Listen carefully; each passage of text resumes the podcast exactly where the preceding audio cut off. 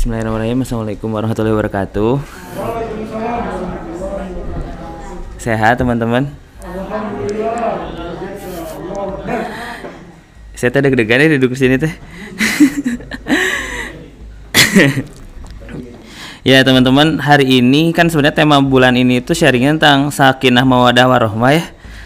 Terus kemarin juga eh, Kang Abe sharing dengan berbagai pengalamannya. Wah, saya sebenarnya di sini tidak berpengalaman ya belum berpengalaman tentang menikah cuma hari ini diamanahkan tentang uh, sesuatu yang waktu kemarin saya kuliah terus skripsian tentang hal ini yaitu tentang pola komunikasi hubungan ta'aruf. Ya.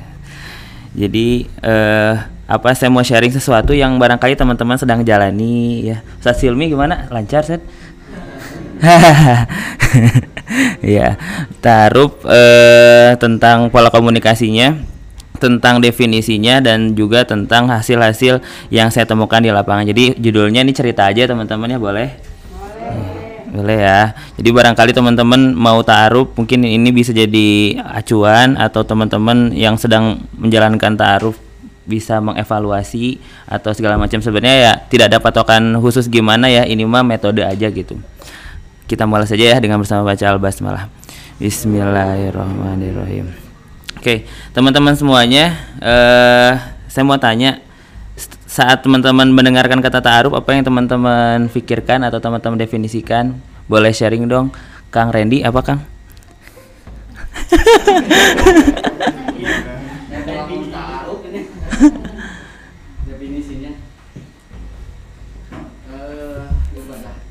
ibadah hatur nuhun Kang Randy boleh tunjuk satu orang Kang buat menjawab pertanyaan yang sama.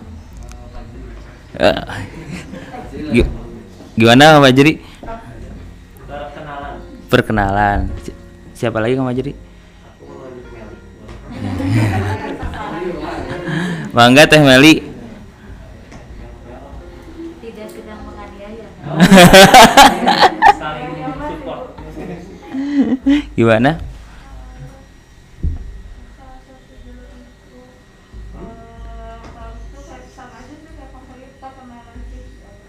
Nggak boleh sama.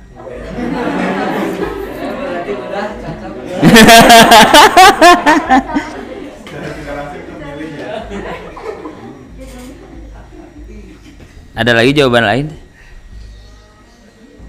Phone a friend boleh?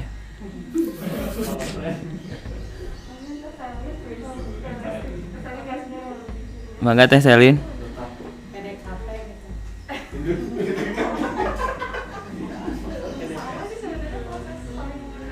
proses saling mengenal. Oke. Terakhir satu lagi teh boleh ditunjuk.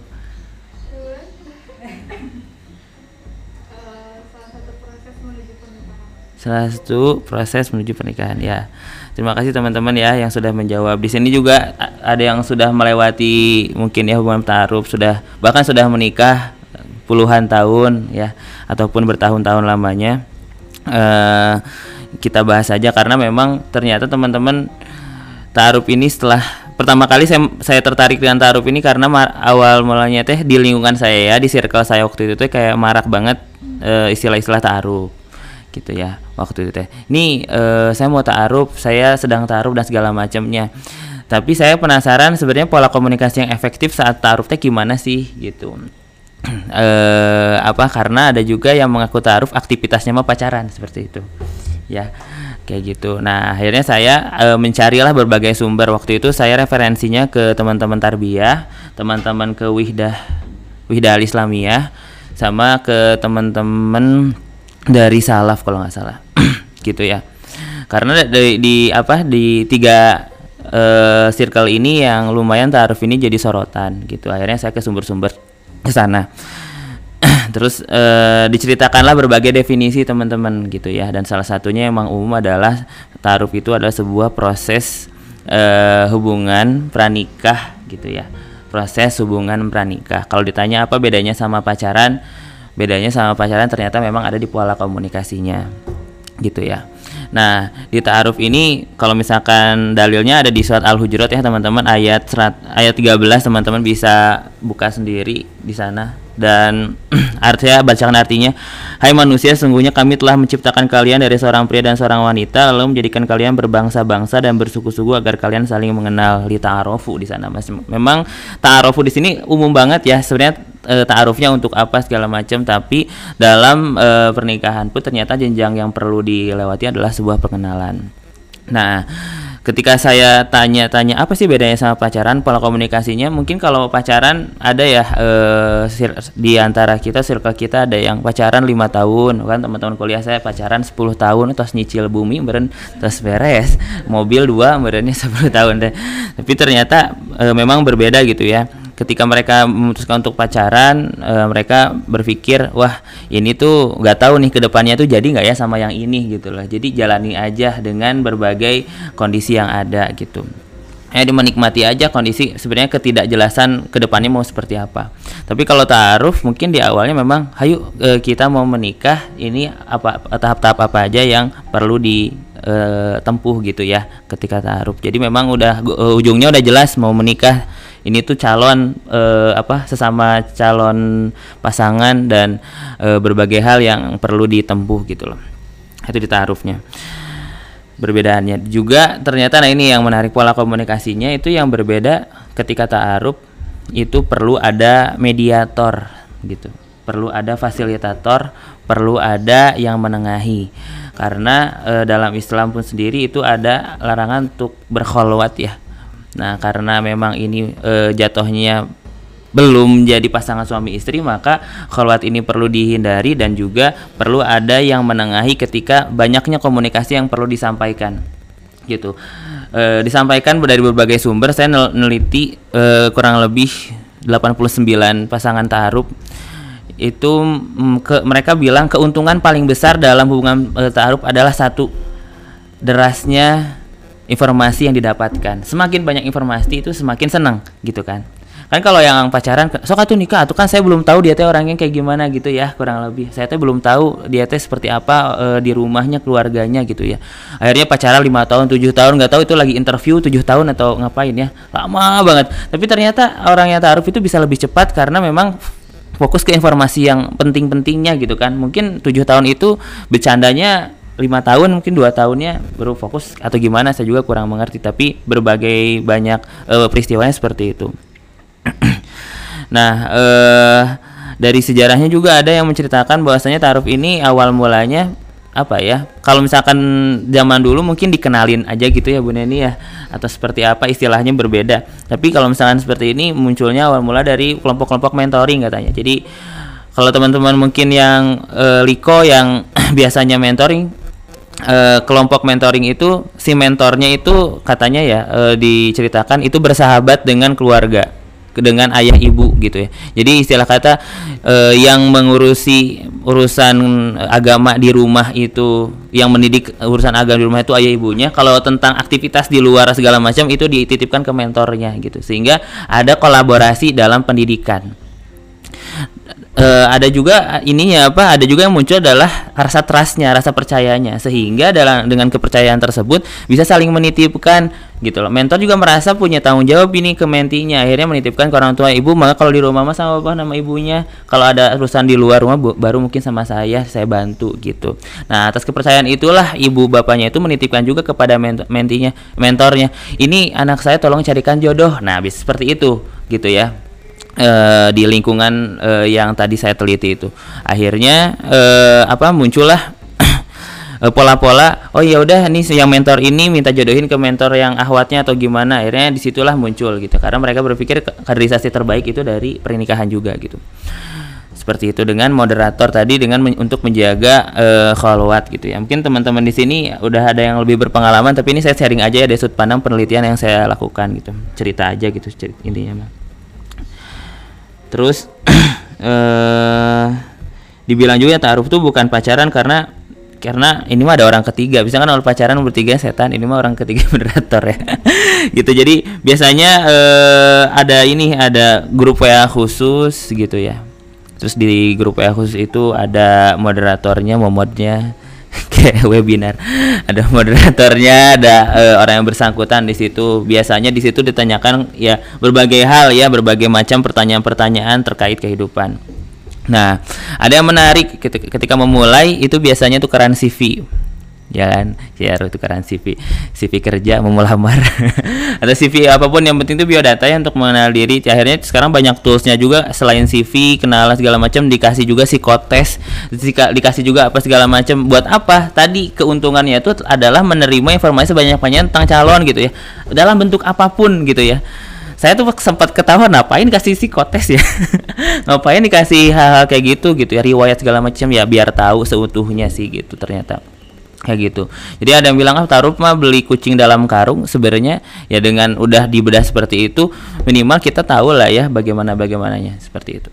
nah taruh terus akhirnya setelah itu ada apa pertemuan-pertemuan untuk bertanya ya bertanya menanyakan e, berbagai hal secara langsung. Biasanya yang fundamental kayak misi gitu ya. Walaupun kata Bang Aad, teman-teman tahu Bang Aad mungkin ya, Adrian Nursi beliau e, psikolog dan konsultan di Salman Beliau bilang misi itu nggak perlu ada di hari pertama pernikahan ataupun sebelum pernikahan katanya. Karena tidak semua orang mungkin canggih memikirkan misi dan visi gitu ya. Tapi bisa dibangun bersama-sama. Tapi misi di sini minimal ada eh, gambaran dulu ini teh mau ke mana sih ke, e, nikah teh setelah nikah what next gitu ya. E, bisa jadi itu e, hal yang krusial juga. Bisa jadi kan kayak kalau mungkin teman-teman pernah nonton Ainun Habibi ya yang ketiga. Gimana Ainun ternyata tidak sevisi dengan Andri eh siapa sih jawabnya teh? Ya itu ya. Udah nonton belum sih? Diem diem ya itu ya. Siapa kang? Rudi ya? Rudi yang jadi. Dadang Dadang Konelo di lo Ayun Habib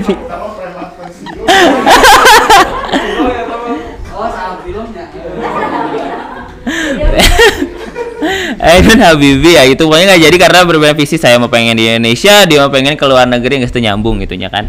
Nah sederhana itu dulu nggak kan? Kalau visi organisasi mencetak kader-kader umat wah yang seimbang berat badan dan tinggi badan.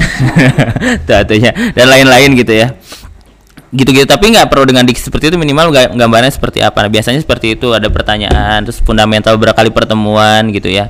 Nah di situ moderator e, berperan krusial. Nah ini.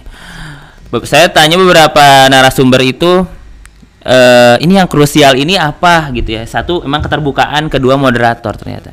Keterbukaan bisa ada yang disembunyi-sembunyiin tahu-tahu jadi e, apa ketahuannya itu pas e, nikah gitu. Bahkan e, teman saya itu ada yang emang apa ya saya saya saya nilai itu keren banget nih soalnya udah terbuka seterbuka apa pun si ah, si Ihwannya eh si Ahwatnya ke Ihwannya ngerasa si Ihwan itu ini Ahwat banyak masalahnya banyak kekurangannya segala macem. Tapi kamu jadi nikah sama dia minggu depan? Iya. Kenapa kamu tetap mau nikah sama dia? Karena saya pikir saya bisa menutupi kekurangannya. Saya karena saya pikir saya mampu kata Ehon saya bisa memenuhi kekurangannya dan saya mampu bekerja sama dalam keluarga bersama dia katanya gitu. Jadi dia tuh mencintai kekurangan ya, love the problem. Nah, ada yang seperti itu ya e, keterbukaan. Ada yang dia tuh bikin prinsip pokoknya segala macam tentang kamu kejelekan apa segala macam ini, ini satu ini satu sudut pandang ya. Sampaikan ke saya gitu. Jangan sampai pas nikah baru tahu. Ada yang e, prinsipnya juga ya masalah kamu buat kamu aja. Yang penting masa depan e, masa depan kamu untuk kita ya gitu ya. Ada ada aku mahawe gitu. Macem-macem. Nah, di moderator ini yang moderator ini juga jadi permasalahan. Kadang-kadang e, ada yang uh, apa memilih moderator itu dengan out of nowhere gitu yang yang penting mas saya tahu gitu atau enggak sok siapa aja ada kan jadi moderator aja gitu. Tapi ternyata beberapa itu sa uh, sangat rigid di pemilihan moderator. Moderatornya mau siapa uh, fasilitatornya mau siapa gitu ya. Uh, satu kata kuncinya adalah orang yang uh, kita percaya itu kata kunci. Mau siapa pun. Kedua tahu ilmunya bisa dicari ilmunya. Tapi yang dipercaya ini uh, apa membangun hubungan ini eh membangun kepercayaan ini kadang yang sulit gitu. Nah suatu ketika beberapa case ini uh, dari yang saya uh, wawancari pada saat itu ternyata uh, memilih eh, apa moderator atau fasilitator itu temannya sendiri, sahabatnya sendiri, yang mana belum menikah juga, gitu. Akhirnya sama-sama bingung di jalan. gitu ya. Akhirnya sama-sama bingung di jalan gitu ya. Ini tuh harus gimana ya? Harus gimana gitu. Karena memang e, Julnya ingin syari tapi belum tahu nih belum berpengalaman kumaha tahapan-tahapannya. Akhirnya ganti moderator tengah jalan dan pusing lagi di awal harus nyeritain dan segala macamnya. Oke ada yang case-nya seperti itu. Ada yang case-nya dia sudah mengerti tapi beda paham beda uh, apa beda. Kayaknya nggak perlu kayak gini deh. Kok seperti itu ya? Kok kayaknya nggak perlu kayak gini. Kok dia uh, seperti itu? Jadi kayak misalkan di batasan-batasan. Uh, Ikhwan sama Ahwatnya udah setuju. Ya udah nggak perlu ini deh. Nggak perlu apa ada nggak perlu banyak interaksi deh. Cukup lewat uh, moderatornya aja. Tapi moderator uh, mempersilahkan sok aja kalian chattingan masing-masing oh secara personal saya kalian ketemu nggak apa-apa. Bingung. Oke kan akhirnya si Iwan Awata kok kayak gini kan ini kita teh mau ngulangi kholwat tapi malah dipersilahkan untuk berholwat gitu kan kurang lebih. Ada yang seperti itu juga. Ada yang nggak cocok secara karakter si uh, apa si moderatornya. Kenapa moderator? Mah kayak moderatornya kayak gini ya malah uh, apa uh, apa ya take over maksudnya gimana ya ya terlalu banyak intervensi gitu banyak terlalu banyak uh, yang diinginkan dari yang sesuatu sebenarnya tuh uh, tidak krusial ataupun kayaknya bisa diselesaikan masing-masing tapi kok ikut ikut andil. Nah akhirnya ada timbul permasalahan baru. Emang batasan moderator sejauh mana? Wah, ini seru juga. Ini emang moderator tuh sampai mana sih boleh mengintervensinya gitu? Boleh boleh me, apa boleh memfasilitasinya. Ternyata mayoritas sepakat mayoritas narasumber e, narasumber itu mereka ya jumhur ulama. Jumhur narasumber. Jumhur. Nah mereka berpikir mereka berpendapat naras eh, narasumber. Apa fasilitator moderator cukup antara eh, kami akhwat akhwat dan ikhwannya gitu loh. Cukup antara kami aja. Kalau misalkan ke masalah keluarga kalau kita masih bisa handle masih sama kita dulu gitu loh kadang kalau misalkan minta tolong eh to, uh, Kang minta tolong saya mau bilang ke orang tua boleh nggak minta tolong buat dijelaskan tentang proses ini? Nggak apa-apa gitu kalau minta tolong. Tapi kalau misalkan dengan berbagai inisiatifnya dan ternyata membuat tidak nyaman itu banyak juga yang akhirnya teh mundur perlahan. Aduh enggak deh enggak deh enggak deh gara-gara seperti itu. Jadi memang batasannya itu adalah uh, sesuai kebutuhan ihwan dan ahwatnya itu sampai mana tapi banyaknya nggak mau diintervensi sampai ranah keluarga. Jadi kalau misalkan so kalian uh, ngobrol terus laporan gimana? Udah ngobrol ngobrol ke orang tua gimana udah ngobrol ke orang tua? Oh aman oh baik. Oh kurang e, ternyata ada permasalahan A B C D. Oh gimana dirembukin dulu barang-barang di sini? Ketemu nggak e, jalan keluarnya baru disampaikan lagi gitu. Banyaknya kayak itu pengen nyamannya tuh. Nah sampai kalau udah kerana ke hitbah dan segala macam itu akhirnya dipersilahkan kembali ke ini nahwatnya moderator bisa jadi gak nongol lagi nongolnya nanti pas pernikahan biasanya kayak gitu banyaknya kemarin itu e, beberapa narasumber e, nyampaikannya seperti itu gitu. Jadi lebih baik e, apa di ranah keluarga karena beberapa keluarga itu tidak rada aneh sama konsep kenapa sih ada orang ketiganya gitu. Kenapa ada moderator moderator rada-rada aneh gitu. Akhirnya lebih baik moderator itu ya udah menengahi e, kedua belah pihak saja antara ikhwan dan ahwatnya benar-benar e, behind the scene kayak gitu. Jadi ah enaknya mah sama sendiri aja gitu moderator ya cukup untuk menengahi dalam pola komunikasi tersebut. Nah, setelah itu barulah setelah beres eh, sampaikan jenjangnya tuh biasanya ada lamaran hitbah gitu ya. Hitbah kan fungsinya untuk mengikat supaya tidak ada yang ngelamar lagi ya. Ustaz betul ya? Kayak gitu ya. Tidak boleh ada yang maju lagi hewannya. Terus habis itu akad ada yang langsung akad aja. Kayak Kang Abe mantap begitu ya. Rewas oke. Okay. nambut emas dan segala macam ya. Ada yang seperti itu. Nah ada juga yang memang eh, apa dengan budaya-budaya mungkin ini di pertemuan selanjutnya ada tentang sebab-sebab pernikahan. Nanti dibahas tentang eh, budaya-budaya pernikahan juga gitu Nah setelah itu nikah kan e, dan segala macamnya. Cuma kita fokus lagi ke taarufnya. Nah setelah beres itu penelitian itu tuh akhirnya saya menyimpulkan e, ada ternyata di taaruf itu ada tiga grade teman-teman. Ada tiga grade. Ada tiga grade. Grade A, grade B, grade C. Ini yang saya simpulkan dari berbagai narasumber tersebut. Grade A. Grade A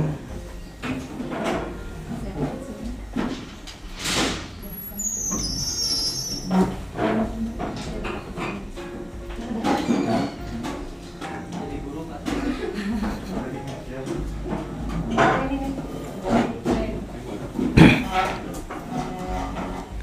ya. Nah, ini uh, singkatnya kesimpulannya. Jadi ada grade A, grade B, grade C yang tadi saya sudah saya sampaikan sebenarnya. Grade A itu teman-teman yang ta'aruf tapi benar-benar ngejaga. Sampai saya yang ada beberapa pertanyaan kayak gimana? Beberapa kali melant e, melontarkan komunikasi yang apa ya yang intim? Kayak perhatian kayak rasa kasih sayang kepada calon pasangannya? Dijawab nete nocik naudzubillah min dalik katanya Gak boleh ahi seperti itu. Saya yang dimarahin. Saya kan mau nanya doang padahal ya. Gak boleh ahi seperti itu.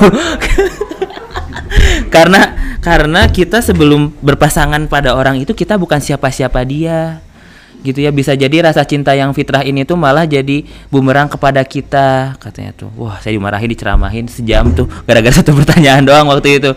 Saya nanyanya nggak boleh seperti itu e, berapa kali e, dalam seminggu saya tuh mau mengukur intensitasnya gitu karena ini pakai teori penetrasi sosial gitu yang e, gimana secara ini tuh semakin intim semakin lama semakin terbuka tuh makin dalam gitu. Ini ternyata orang taaruf itu yang grade A ini eh, nggak e, ada intimnya gitu nggak ada ya. Jadi pokoknya mah fokusnya tuh ke informasi keluarga dan bagaimana ke depannya gitu banyaknya tuh nggak boleh ahi nggak boleh itu berapa kali untuk memberikan apresiasi hadiah dimarahin juga sama gitu. Nggak boleh ahi gitu ya. Kal e, kita tuh belum siapa-siapa belum e, menikah belum ada hubungan apa-apa. Jadi coba dijaga e, hatinya perasaannya. Luar biasa grade A gitu ya. Ada grade B. Yang grade B ini e, mereka bercerita oh yang apa saya taruh saya ini tapi ya saya tuh udah sebenarnya udah suka gitu sejak SD gitu. Saya saya udah uh, memendam rasa ini ya. Sudah sejak lama gitu. Kalau gak biasanya yang grade B itu yang emang udah deket, udah ngerasa su saling suka, terus yuk nikah tapi gimana ya? Pakai pakai taruh aja taruh, akhirnya nyari moderatornya, nyari fasilitatornya yang seperti itu gitu. Ya yang grade A biasanya yang saling nggak kenal dikenalin lihat CV-nya gitu. Oh iya gitu. Terus tiba-tiba lama-lama mungkin ada rasa suka tapi dipendam saja tidak dikeluarkan gitu kan fitrahnya seperti itu ya. Yang grade C yang grade C eh, gimana? Akhir taarufnya gitu ya. Oh ya alhamdulillah lancar mohon doanya. Pulangnya boncengan sama si awat ya mereka mana cenah taaruf tapi ternyata berma eh, apa eh, apa aktivitasnya pacaran kan kayak gitu banyak juga mungkin ya fenomena Uh, bilangnya taruh, bilangnya dalam sedang proses, tapi uh, secara aktivitas ya aktivitasnya pacaran. Dibilang kamu pacaran nggak? Enggak, gitu nggak ada yang nembak kan gitu ya, misalnya ada yang nembak, ada yang mengutarakan perasaan, tapi aktivitasnya pacaran-pacaran kene.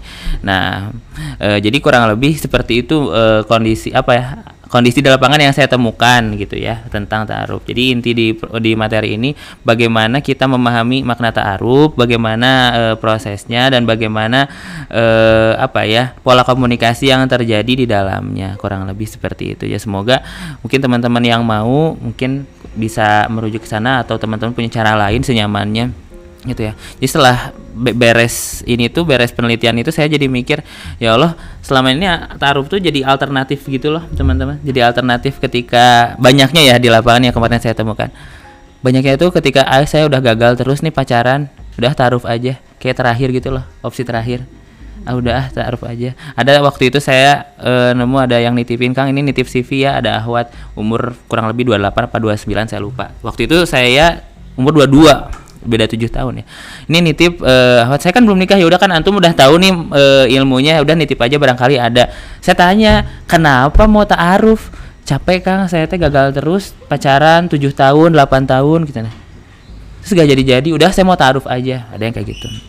Tapi ya banyak ya. Tapi case sama. Saya tuh jadi mikir ya Allah bisa nggak ya taaruf itu jadi alternatif nomor bukan pilihan akhir tapi jadi pilihan awal gitu ya. Karena kan ini yang saya lihat ya ada penjagaan supaya tidak berholwat dan mengurangi uh, apa ya pintu-pintu setan yang terbuka gitu ya zina-zina yang terbuka. Ini kan kalau misalkan jadi uh, ininya kalau jadi alternatif yang utama kan kayaknya jadi lebih bagus gitu. Akhirnya dari situ saya tuh berpikir gimana ya cara untuk memviralkan konsep ini. Mungkin viral mungkin teman-teman udah tahu tapi how to gimana cara buat orang-orang itu terinspirasi untuk melakukannya gitu. Kalau mungkin teori tahu oh ya taruh tes gitu tapi untuk ke sana tuh kayak aduh ya gitu taaruf teh emang kayak gimana? Sampai ada salah satu narasumber saya anak FKG Unpad.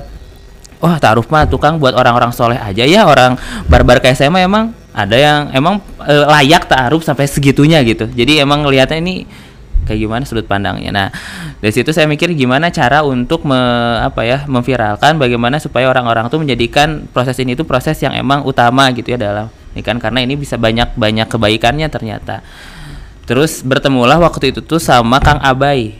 Temen tahu Kang Abai? Kang Abai Aditya Aditya Rahman eh Aditya Kang Abai. Ketemu sama Kang Abai di suatu event di UIN. Akhirnya ternyata beliau pun eh, sama ya punya eh, apa visi yang sama gimana supaya ini tuh bisa jadi yang eh, dipilih gitu sama teman-teman muslim salah satunya. Akhirnya beliau kan dengan single lilahnya ya single lilah jalan eh sekarang sedang menciptakan Sister Lila dan berbagai ininya. Jadi ujung-ujungnya ke rumah taruh juga atau di Salman juga ada. Itu tuh sebenarnya ikhtiar-ikhtiar bagaimana untuk menjaga keberkahan dalam pernikahan. Mungkin ya saya mikirnya gitu ya. Orang mau nikah orang mau berkah dan segala macam. Tapi eh, kalau misalkan jalan menuju keberkahannya kurang berkah saya mungkin ingin disempurnakan dengan cara-cara yang tepat. Mungkin saya mikirnya seperti itu. Jadi semoga mungkin teman-teman yang sudah menikah di sini ini mas cuma buat insight saja gitu ya. Atau barangkali persiapan untuk selanjutnya. Atau bagaimanapun itu ya e, bisa jadi ilmu-ilmu yang bermanfaat semoga. Dan yang belum juga jadi bisa diaplikasikan terima kasih. Wassalamualaikum warahmatullahi wabarakatuh